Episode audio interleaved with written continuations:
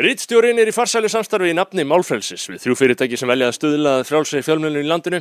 Eitt er að er Þótt Þorgrumsson byggingavöruverslun, meira en 80 ára saga af alvöru þjónustu við alvöru neytendur. Aðra fyrirtæki er Dominus Pizza, þú veist hvaða pizzur ég er að tala um, rótgróin íslensk matarheð frá 1993 og loks er það fjarskiptafélag fjólksins ringdu. Gott verð og þjónusta sem er þannig að ef þú spyrir vínin á Facebook hvað þú átt að, að köpa nætt, þá mun gáða nörd koma og svara hjá ringdu. Þannig að það er ringdu. Samstarfið þessi góðu fyrirtæki gerur okkur kleift að færa þér frétti vikunar á hverjum fyrstu degi þér að kostnaðalösu.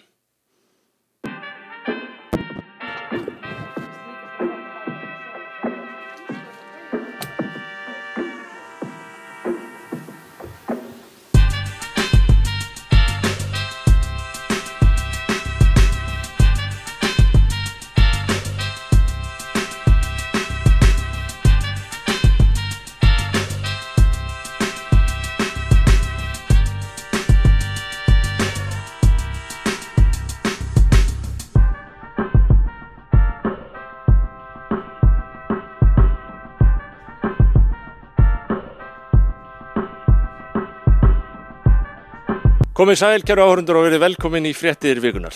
Það var uh, mikil og almenn ánægja með fréttir vikunar hérna í síðustu viku þar sem við fjöldluðum meðal annars um þriði vaktina, þri, þriði vaktina, veit ekki hvort maður er ekki að gæsa leppinnar en þá, og við bendum á hvaða væri stundum vafasamt að beina aðtiklinni í sífællu að slíkum hugtökum í stað þýðinga meiri vandamála. Þýðinga meiri vandamála eins og efnaðslega aðstæðu fólks sem þarf svona að vinna allt og mikið í störfum sem hafa kannski ekki mikla þýðingu fyrir þau en hafa samt auðvitað mikla þýðingu fyrir fyrirtæki sem við vinna hjá. Fyrirtækin græða, fólki vinnur of mikið og getur ekki átt ánægilegt persónlegt líf. Það var punkturinn. Punktur var að maður ætti einfallega að taka því með fyrirvara þegar feminísk fyrirtæki ótuð að manni glæni um hugtökum eins og þriðju vaktinni. Hugsanlega til að telli okkur alltaf trúum að vandamáli í lífi kvenna til dæmis sé einhvern veginn að karlar hugsi ekki nógu mikið um afmæliskjafir fram í tíman. En ekki bara að við höfum ekki nægan tíma eða orku til að sinna því sem skiptir okkur máli í lífinu. Örfáir, örfáir voru óánæðir með þessar hugmyndir rittstjórnans og það er alltaf læg, hann er vanuð því. En við getum svona, ef við leggjum það niður fyrir okkur, þá getum við sagt að það hafi fyrst og fremst verið þrýr aðila sem voru óánæðir með frettaflutningin.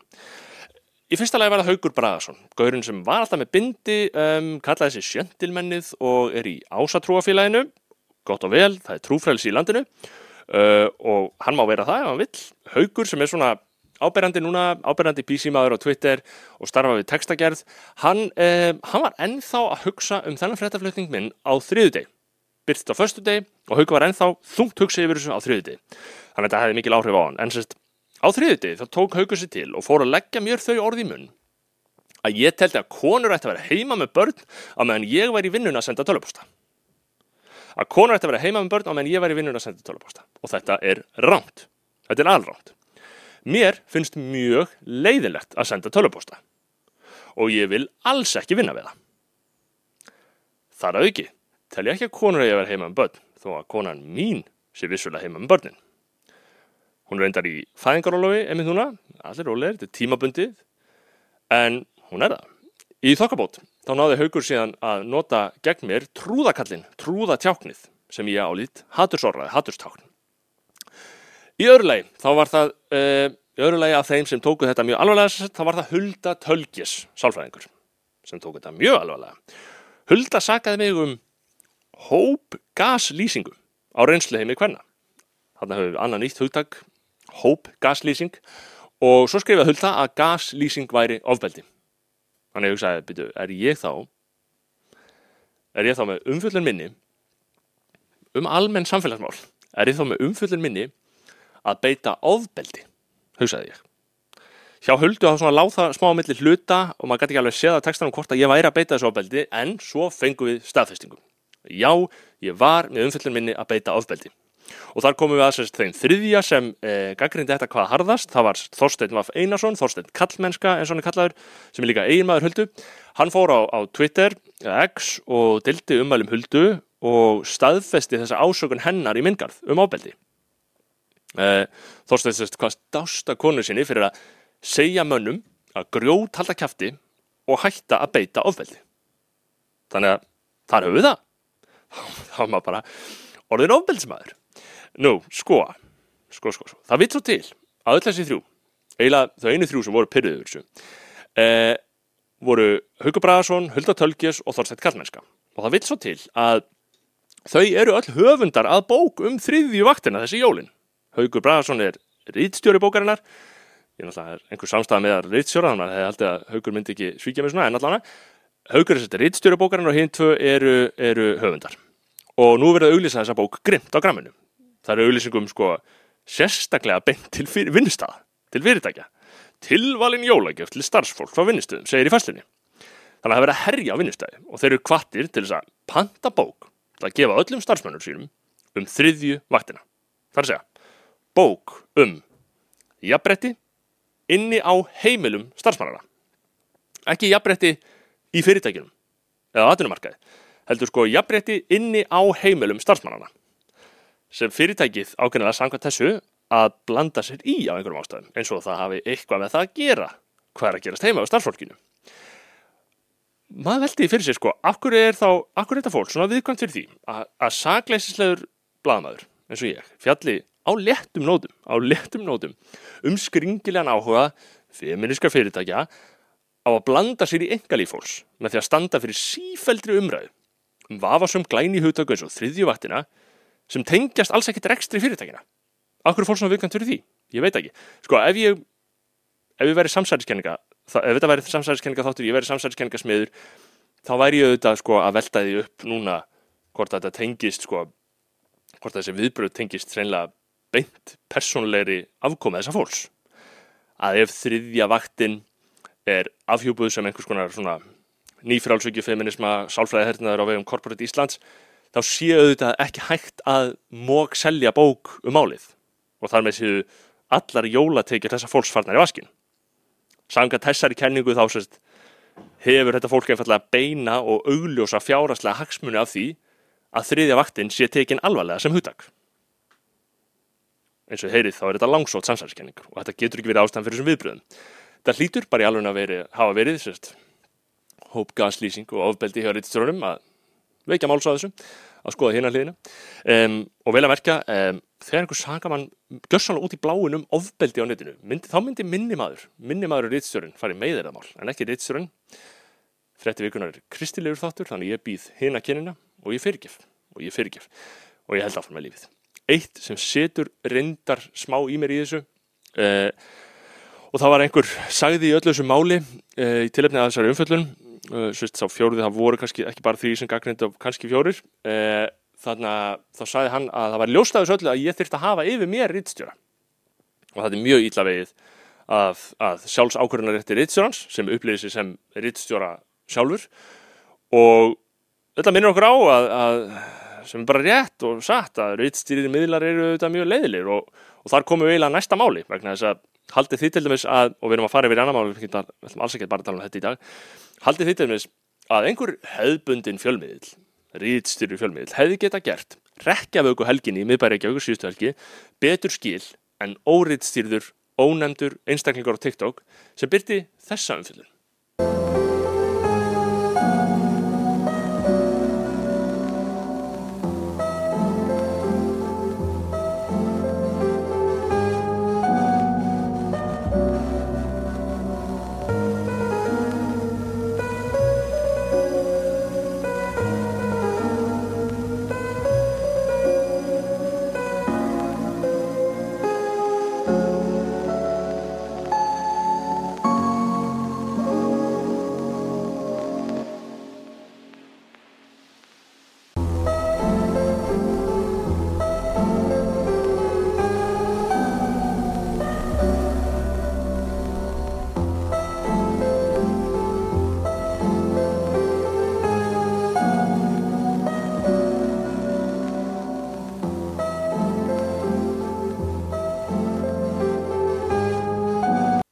Já, við skulum ekki gleyma því og sjáum það þessari umfyllunar miðbær Reykjavíkur að næturlægi er um, ógeðslu staður en uh, það er fínt að, um, og svona grínlaust, það er fínt að þetta sé eini hryllingurinn í okkar lífi með að við styrjaldar ástand við þeim heim eins og hérna hefur við fjallað um, er Íslandi í mjög öfundsverðið stöðu á þessu stíi, við erum fjarrir víga slóð og fleiri og fleiri eru farnir að átta sig á því hvað Ísland er í öfunnsverði stöðu.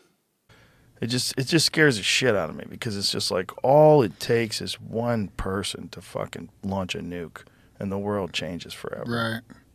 And I've never felt like that was a possibility in my lifetime until now. Yeah, I mean, this is it is a little bit on the unsure realm of how I, you know, I feel definitely a little bit unsure about what what's going to happen. Yeah. Very. Yeah. Yeah, I'm looking at like moving to Iceland or some shit. like, where, where, where's going to be safe from the fallout?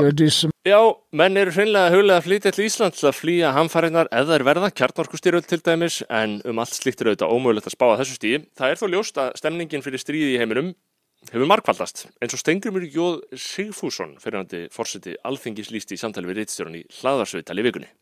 Hvernig, hvernig er þér innan brjósts um þróununa uh, í heiminum?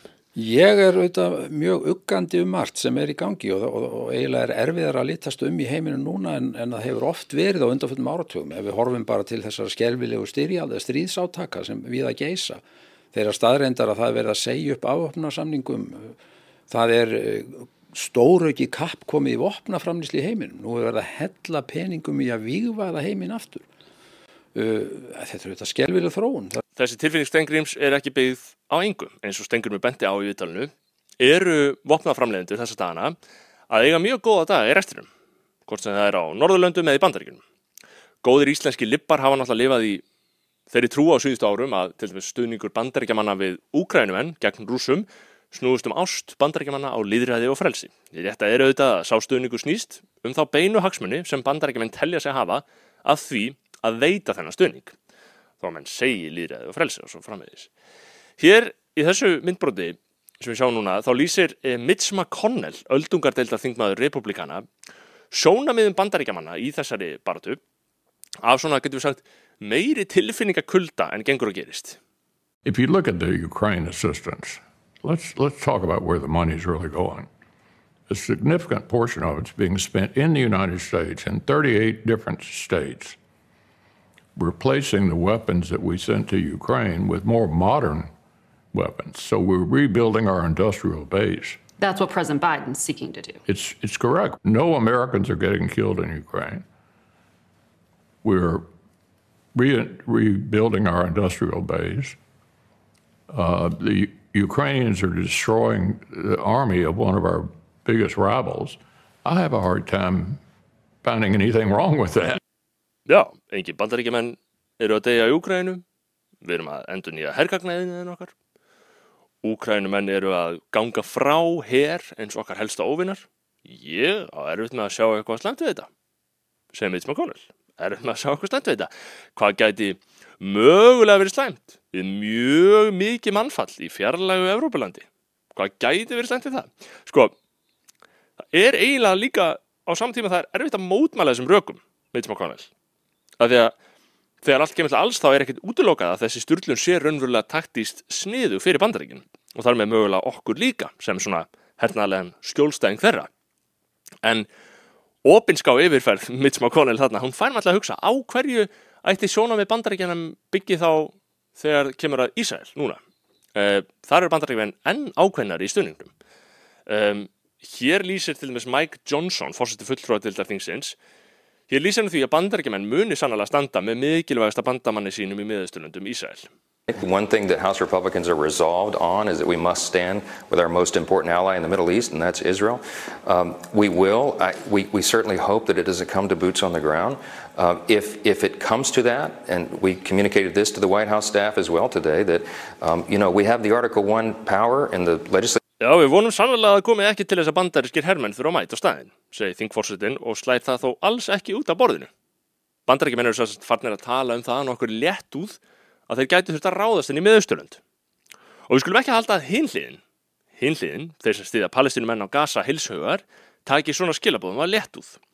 Sjáum Erdogan, Tyrklandsforseta, á fjöldafundi í Tyrklandi nýlega að kalla Ísraelsmenn styrísklæpamenn. L'Occident. A la plus grande responsabilité dans le massacre de Gaza. L'Occident, je m'adresse à vous. Voulez-vous reprendre le combat entre la croix et le croissant Si vous faites un tel effort, sachez que les Turcs ne sont pas morts.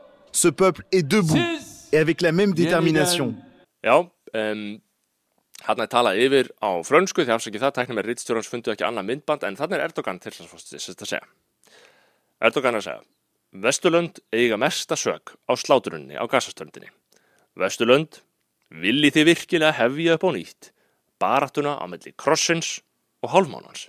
Hann er að tala um stríð á melli trúatákna kristina manna krossins og hálfmánans á melli múslima, kristina og múslima.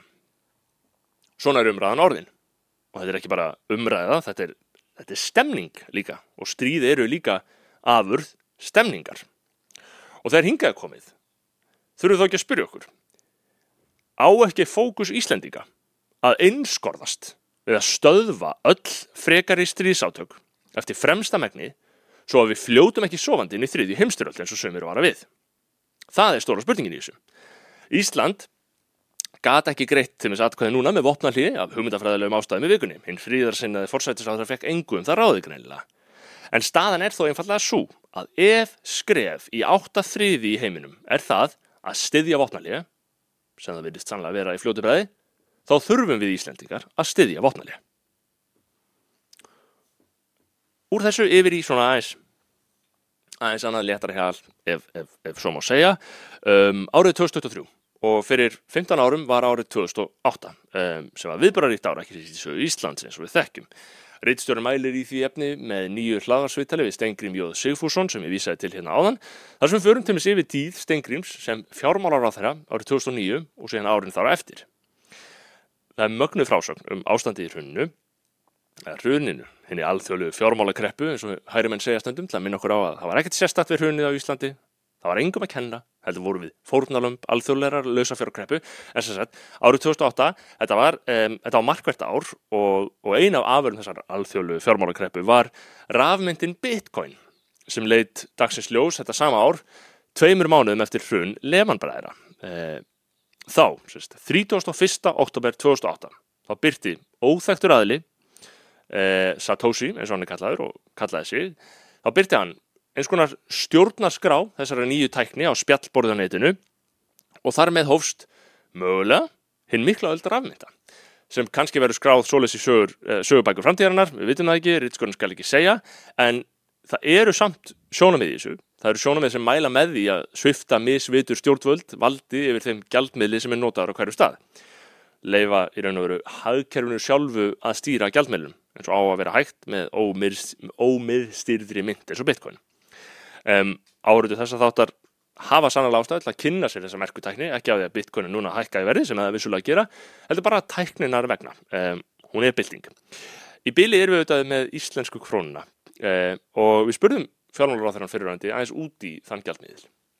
Krónan vanda, það er vandasamt að hafa hana, já ég viðkynna það, það gerir ríkar kröfur til manna en það er mikill miskilningur að það að hoppa bara í einhvern annan gjaldmið leysi bara sjálfkrafa vandamál.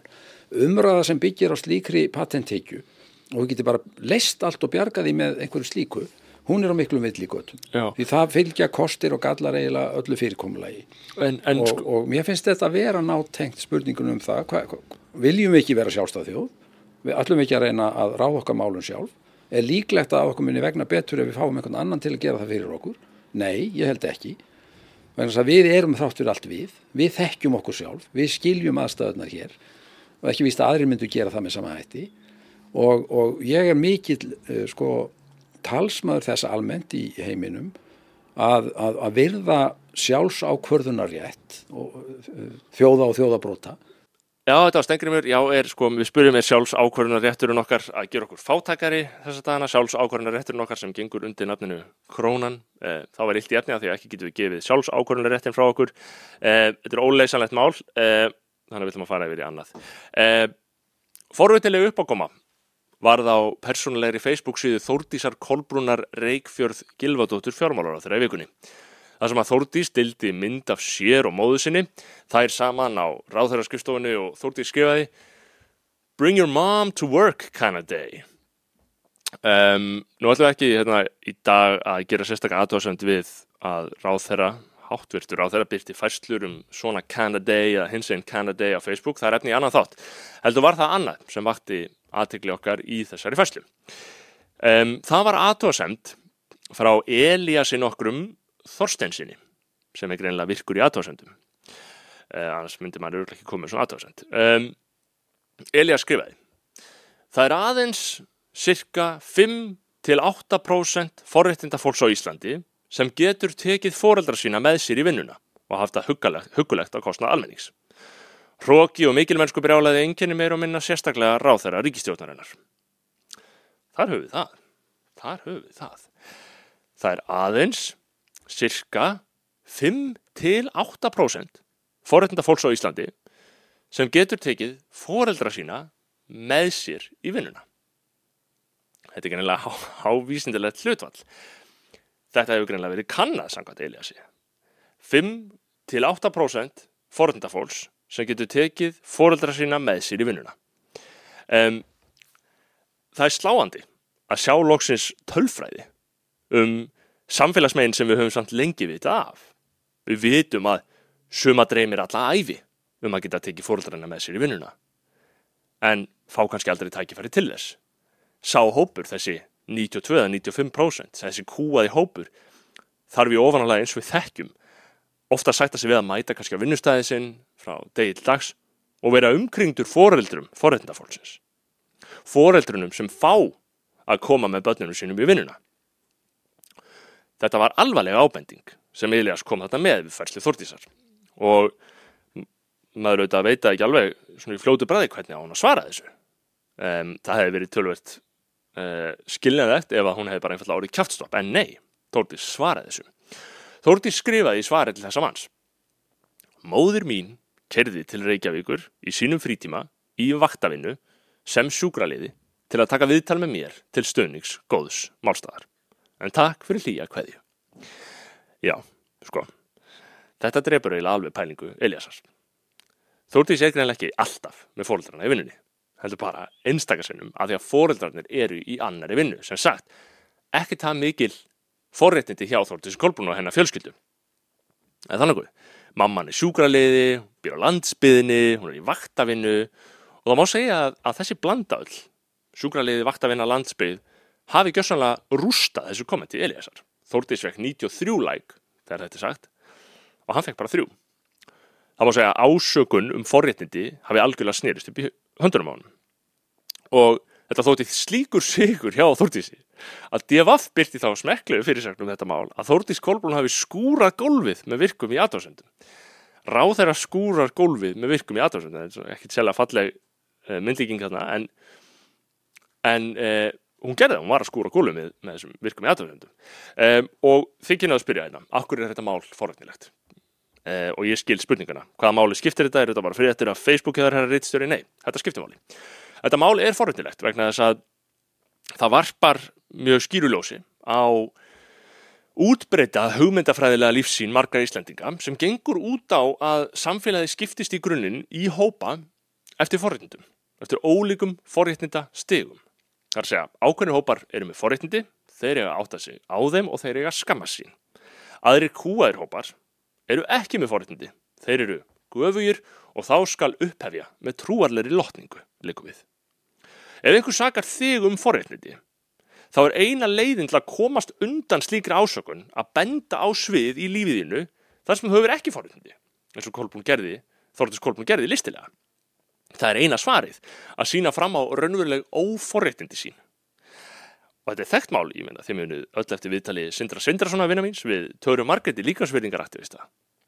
Svo veldi öðru fyrir mér og öruglega margir aðrir, er ekki fordómar oftast svona within, svo ég noti nú góða íslensku, er, eru fordómarnir svo mikið eh, annara á móti hverjum öðrum, er, ekki, er ekki fordómar svolítið meira bara inn í okkur sjálfum?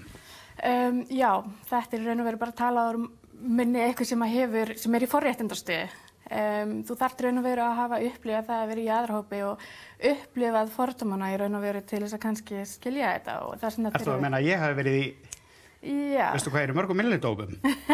Ég er hommi, ég á litabab, það er ættleitt Ég er fyrsti samkynnið maðurinn til að ætlaði á Íslandi. Mm -hmm. ég, ég giftur útlendingi, ég er hálfum útlendingi, þannig að við skulum ekki fara að þangað. Nei, en sko til dæmis það er miklu meira samfélagslega samþekki fyrir fordómi gegn feitu fólki til okay. dæmis. Það er mjög sem sko hvað mannreynda bara til að hafa náð langt. Já, ok. Nei, við skulum ekki fara að þanga að segja Sindri og ég meina, hann vann þessa rimmu auðvitað, er það ekki? Ég meina, það verður að segjast. Þetta er auðvitað frábært auknarblik í sjómasögu Íslandika um, en, en hvernig komst samfélagið sko stórbruningin er, er, er í þessu, er, er hvernig komst samfélagið að þessari hugmyndafræðilegu niðurstöðu? Að allt sé þetta spurningum ólíkt, ólíkt stig forreitnda. Það er góð spurning hvernig enduðu við hérna. Um, menn hafa ekki alltaf hugsað svona hvaðan koma þessi forreitndafræði. Einn kenning er svo að þetta byrji í skólakjörunu og svo kenning er ekki galin með að við færslu á netinu frá því vikunni. Reykjavík borg dildi á vefsíðusunni fréttagreinum vinnu smiðjum líðræðislega virkni fyrir grunnskólanema í Reykjavík á vegum skóla og frísundarsviðs borgarinnar. Þar voru börnin látin ráða ráðum sínum um svona alls konar hagsmunni unga fólksins og svo voru þau látin vinna sérstök verkunni. Og meðan þessari verkefna voru greinlega, eins og maður sér af ljósmyndum úr þessari fréttagrein, á meðan þessari verkefna var greinlega að setja saman svo nefndan forréttinda píramíta og mannréttinda píramíta. Það var eitt, eitt verkefni í lýræðismiðinni. Já, hver mann ekki eftir þessu í Galata? Forréttinda píramítin, ó þurfum við að gera forréttinda píramítan aftur, mannréttinda píramítan, ó ég nenni ekki, nei sko, við munum þetta ekki eftir þessu, maður aðalega kannski að lærum starffræði, málfræði og Íslandsögu í skólunum í Galata og síðan verður einhver breyting, einhver rótæk breyting verðist vera. Uh, forréttinda píramítin og mannréttinda píramítinum. Píramítin. Um, sko í forréttinda píramítinum var körlum auðvitað ræðað efst, hvítum húðlit, ófölluðum og gagkinheðum og svo eftir því sem maður fikra sér niður eftir forréttinda píramítinum þá fær maður svona hægt og rólega dekkri húðlit verður kynsegin og trans, fatlaður, fátækur, talar ekki íslensku, er ekki með mentun, á ekki húsnæði, er feitur og svo framvegis og svo framvegis. Það fer svona niður píramítan og það sama er gert í mannreitndapíramítanum það er ekki alveg ljóst hver munurinn er á mannreitndapíramítanum og forreitndapíramítanum hjá Reykjavík borg en, en, en þetta er áhugaverð hugtök. Það er að vísu, veist, það, það, það er smá flókið að lesa til þess í forreitndapíramítan þið sjáu að að karlarnir eru þarna efst og svo konur fyrir neðan uh, aðeins neðar. En svo að milli karla og kvenna stendur ófallað fólk. Og sko þýðir það þá að það séu meiri forréttindi að vera fallaður karl en ófölluð kona það virðist vera samkvæmt þessu en eins og segi ég lærði ekki forréttindapyramidan á sínum tíma ég er ekki sjóðar í þessu. En þetta er mjög áhört að skoða þetta. Þetta er ákveðin heimsýn sem byrtist okkar uh, það er verið í raun og vera að fá börnin til þess að vera á sífælt sífælt á varðbergi gagvart öllum mögulegum gerðum á forréttindum Þau eru hann að fengið til þess að e, sérst, kortleggja hvernig einasta áhætti þátt sem hugsaðt getur eða skildur leynast einhver vafa sem forreitindi í lífið þeirra. Og í fréttakarinn Reykjavíkuborgar segir síðan sérst, að þessar hugmyndir allar sem hafi orðið til í vinnusmiðunum, forreitindapyramidin nættala þar á meðal, að þessar hugmyndir e, verði síðan fluttar aftur inn í skólan og inn í félagsmiðstöðunar þar sem innan gæsalappa verður leita leiða við að koma þeim í framkvæmt. Það verður leita leiða við að koma forréttinda píramítanum í framkvæmt og þá spyrja menn sig þetta sko, hvernig, hvernig kemur maður forréttinda píramítanum í framkvæmt? Ég sé einhver svona, maður sé einhver svona praktiska útværslu í fljótubræði en borginn lítur á þetta eitthvað í hug. Það er óljóst að þessu stíði hvort að forréttinda píramítin sé endilega uppbyggileg leið til að sjá veröldina. Hvort píramítin er eftir að hvetja menn til dáða. Við höfum eftir að sjá framistuðu komandi kynslaða. Við vitum samt að það er eitthvað bói við það hvernig börnunum okkar líður. Ég veit ekki hvort það tengist þessu en það er eitthvað bói við það augljóslega. Eins og Yngvar Birgisson lögmaður og fyrirvöndi aðstofna ráð þeirra bendir á X í vikunni, bendir á á X í vikunni, eru börn kvíðinn, þunglind og, og stort hlutfall er að byrja á gæðlifum í grunnskóla. Á sama tíma höfum við aldrei verið með betri stuðning en í dag. Yngvar skrifar, það er þá eitthvað að í þjóðarsálinni. Mögulega, hann vísar í nýlega tölfræði úr skólakerfinu sem sínir að kostnaður vegna stuðningsþjónustu í skólum hafi sprungið á undanfannum árum. Stöðugildum í stuðningsþjónustu í grunnskólum hefur fjölgað um 70% á 25 árum að meðan nefndum hefur fjölgað um 11%. Þannig að nefndum fjölgar um 11% og kostnaði við stuðning við nefndur ekst um 70%. Þetta er ekki alveg hlutvalli. Þannig að við virðumst, ef maður sér þetta, þá virðumst við vera að störta peningum í stuðning sem er auðvitað í mörgum tilökum mjög nöðsunnur en hlutinir ger ekki annað en að versna. Þar maður þá ekki eitthvað að líta í einn barn og virkilega komast að því hvað er að og þá er auðvitað mjög stórt spurt og það er ekki löstu að rittstjórin fari í svona smá sjálfstætt hugsandi andlegan sjálfsjálfar gýr þegar hann stendur frammi fyrir svona risavöksnum vandamálum. Í dag byrtist viðtal mitt og bróðumins Berþórs Mássonar við sjálfsjálfar höfðingin og lífsþjálfran Guðna Gunnarsson í hlaðarbakar skoðanabræðum.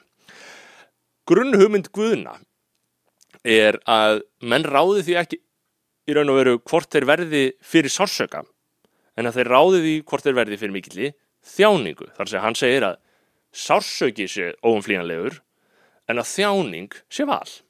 Þetta sé spurningum viðhorf, hvort maður ætla að vilja sjálfa sig og vilja lífið eða hafna sjálfu sig og hafna lífinu.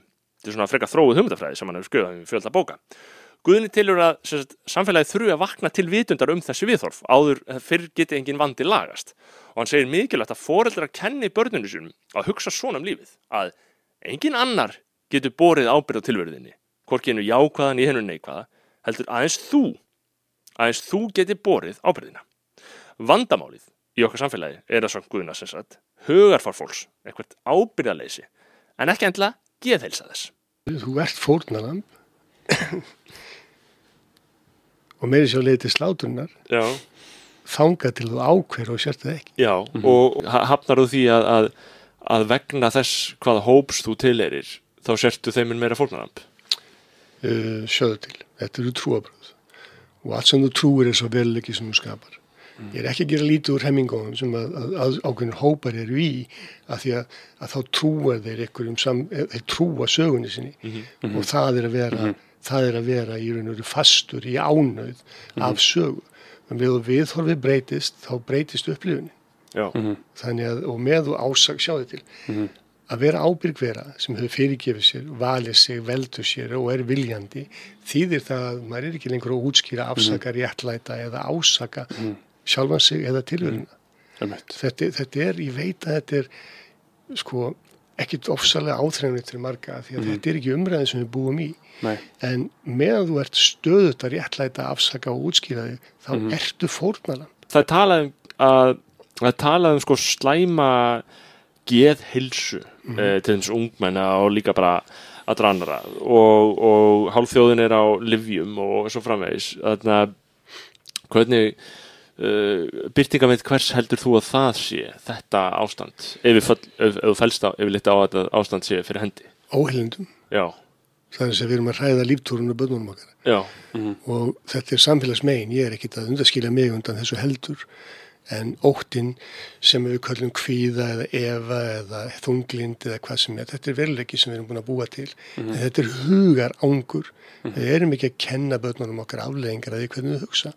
Börnun eru með þráhyggju og þau eru með alls konar kvata og svo eru þau komin á kafi tækni og tól sem við erum að sjá í fyrsta skipta þessu magni í þessu samfélagi sem að hefur gríðarlega ertandi áhrif þannig að þau þól ekki við í einn áist nema þau séu í stuði með einhverjum sko, þessum við kallum, einhverju fjárveri, einhverjum tækjum. Þannig að þetta er ástand en þetta er ekki geðhilsa þetta er bara ótti sem er svo magnaður upp með orkuleysi því að þau standi ekki undir þessu þau ná ekki að kvíla, þau ná ekki að vaksalminlega þau eru komin í þrengingar og þeim líður illa og þau eru föst þar og samfélagi kann ekki taka utan um þetta. Ég held að sé verið að byggja þetta á vittlusum fórsendum. Það vantar kvíld, það vantar næringu, það vantar umgerðir og, og það vantar skilvirka umræðu þar sem að börnin og úlingar og jáfnvel fullotni líka skilja afliðingarnar að því hvernig við tölum og hvernig við hugsum. já. Já, hvernig tölum við um okkur og hvernig kennum við börnunum okkar að hugsa um lífið Þetta eru stóra spurningar, eru við fórnalömb sem bara skortir forréttindi eða ábyrgar verur með verðileika og vilja til aðtapna? Eh, þetta er kannski erfið spurning en kannski líka nöðsileg sjálfsjálf fyrir okkur hérna á þessum síðustu og vestu tímum. Eh, mæli með að hlusta á viðtalið við Guðna Gunnarsson í skoðanabræðurum. Það er ekki mikið meira að frétta hér á þessum vettvangi frétta vikunar að sinni. Við komst ekki mikið lengra með þetta í dag. Heldur gefum við okkur frekara blaður þarli í næstu viku og við erum vissu auðvitað um að þar verði eitthvað e, mikið kjöt á beininum eins og ofta áður. Ég minni á samstæðsæðilega Rittjórans, Þór, Þótt Þorgrimsson, Dominos Pizza og Ringdu. Við sjáumst aftur hér næsta föstudag og í millitíðinni hveti ég ykkur eins og endran aðeir til að hafa hugföst kjörorð þessa frétta þáttar. Ást á ættjörðu, ást á sannleika, í beili, Guð bless ykkur.